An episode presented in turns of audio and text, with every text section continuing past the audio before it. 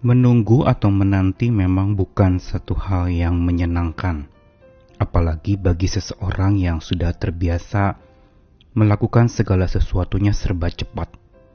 Maunya terburu-buru dan instan, sesegera mungkin harus selesai, dan apa yang dinantikan atau apa yang ditunggu itu secepat mungkin harus datang, harus tiba, karena akan buang waktu kalau menunggu itu menjadi terlalu lama. Namun menarik sekali ungkapan atau kata berharap di dalam versi Alkitab bahasa Ibrani adalah sama dengan menantikan atau menunggu. Dan ini menandakan kepada setiap kita orang percaya bahwa memang berharap itu identik dengan menunggu, menantikan sesuatu. Pada saat menantikan itulah maka seseorang sebenarnya diuji, bukan saja kesetiaannya dan ketekunannya, tetapi juga diuji kesabarannya. Dan banyak orang yang mengatakan menunggu ini melelahkan, dan menantikan itu adalah sesuatu yang justru membuat seseorang menjadi lemah, lengah, dan bahkan pada saat menanti itu tidak jarang yang lalu kemudian menyerah kalah. Karena merasa menanti atau menunggu itu adalah sesuatu yang menyedihkan, menyulitkan, membuat kecewa, membuat berduka cita. Karena begitu lamanya penantian itu berakhir. Tapi di sinilah justru keunikannya berharap kepada Tuhan menantikan Tuhan, memang ada sebagian orang yang melakukannya dengan bersungut-sungut, melakukannya dengan amarah, kekecewaan, dan akhirnya berujung pada duka cita dan ratapan. Tetapi justru ada rahasia untuk supaya kita bisa bersuka cita saat berharap kepada Tuhan. Apakah itu? Saya Nikolas Kurniawan akan menemani di dalam Sabda Tuhan hari ini. Masih dari tulisan-tulisan Amsal ayat-ayat yang mengandung pesan pengharapan. Kali ini dari Amsal 10 ayat 27 sampai 28. Takut akan Tuhan memperpanjang umur tetapi tahun-tahun orang fasik diperpendek. Harapan orang benar akan menjadi sukacita, tetapi harapan orang fasik menjadi sia-sia. Amsal bisa didefinisikan sebagai sebuah kitab yang mengandung kata-kata yang singkat berdasarkan pengalaman yang panjang. Unik sekali ungkapan ini. Karena memang Amsal mengandung kutipan-kutipan per ayat satu dengan yang lainnya. Bila kita membaca seluruh kitab Amsal, kutipan satu ayat demi satu ayat itu bisa berdiri sendiri tanpa berhubungan satu dengan yang lain. Walaupun di dalam pasal demi pasalnya itu mengandung penekanan-penekanan tertentu, tetapi Amsal justru memberitahukan kepada kita bahwa ini bukan sekedar kutipan belaka, tapi berdasarkan sebuah pengalaman nyata yang panjang yang dialami oleh si penulisnya.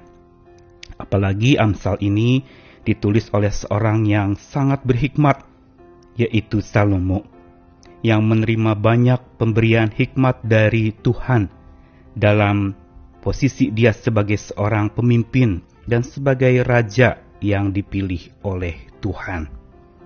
Dan Amsal pasal 10 yang tadi dua ayatnya dibacakan, ini merupakan Amsal yang menekankan dua kata penting yaitu bijak dan benar. Mengapa Kedua ini disebut penting dalam Amsal 10 karena kata-kata inilah yang sering muncul di dalam ayat demi ayat dalam pasal 10 itu. Orang yang bijak sesungguhnya mempraktikkan kebenaran dan orang yang benar bertumbuh di dalam kebijaksanaan.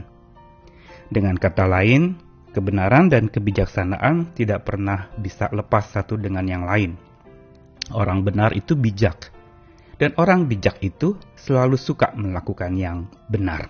Dan bacaan kita tadi di dalam ayat 27 sampai 28 dikatakan Takut akan Tuhan memperpanjang umur, tapi tahun orang fasik diperpendek.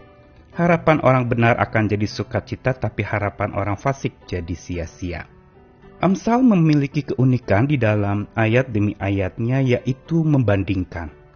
Membandingkan antara orang benar dengan orang fasik, orang baik dengan orang jahat, orang berhikmat dengan orang yang bodoh, dan berbagai macam lagi pembandingan-pembandingan itu dilakukan. Tentu saja ini merupakan satu pesan yang penting di dalam kata-kata hikmat dalam Amsal. Dan khusus di dalam ayat ke-27 dan 28 tadi, ini berbicara tentang orang benar. Dikatakan orang benar ini identik dengan orang yang takut akan Tuhan. Karena memang kebenaran di dalam Tuhan itu dinyatakan atau dimanifestasikan dalam sebuah sikap yang takut akan Tuhan, di dalam melakukan segala sesuatu, di dalam memikirkan atau mengatakan apa pun juga. Dan inilah sebenarnya permulaan hikmat. Permulaan pengetahuan dan pengertian adalah takut akan Tuhan, dan itu yang menjadikan orang menjadi benar. Inilah rahasianya untuk supaya seseorang bisa tetap bersuka cita di dalam berharap. Bukankah dikatakan tadi harapan orang benar akan jadi sukacita, tapi harapan orang fasik jadi sia-sia? Waktu dikatakan harapan orang benar akan menjadi sukacita, itu menandakan bahwa pada saat orang benar itu berharap, maka sesungguhnya dia akan beroleh sukacita yang daripada Tuhan. Tentu saja ini bukan sukacita yang berdasarkan kebohongan atau pura-pura, tapi sukacita yang justru lahir dari kebenaran. Karena dia benar dan hidup benar di dalam Tuhan, dia penuh dengan sukacita. Makanya dikatakan harapan orang benar akan jadi sukacita. Tetapi bukan saja beroleh sukacita, orang benar yang berharap kepada Tuhan itu juga akan penuh dengan sukacita saat berharap atau menantikan Tuhan itu. Atau menantikan jawaban-jawaban doa yang mungkin belum terkabulkan atau penantian yang belum tiba. Dan inilah rahasianya untuk kita bisa bersukacita di dalam pengharapan.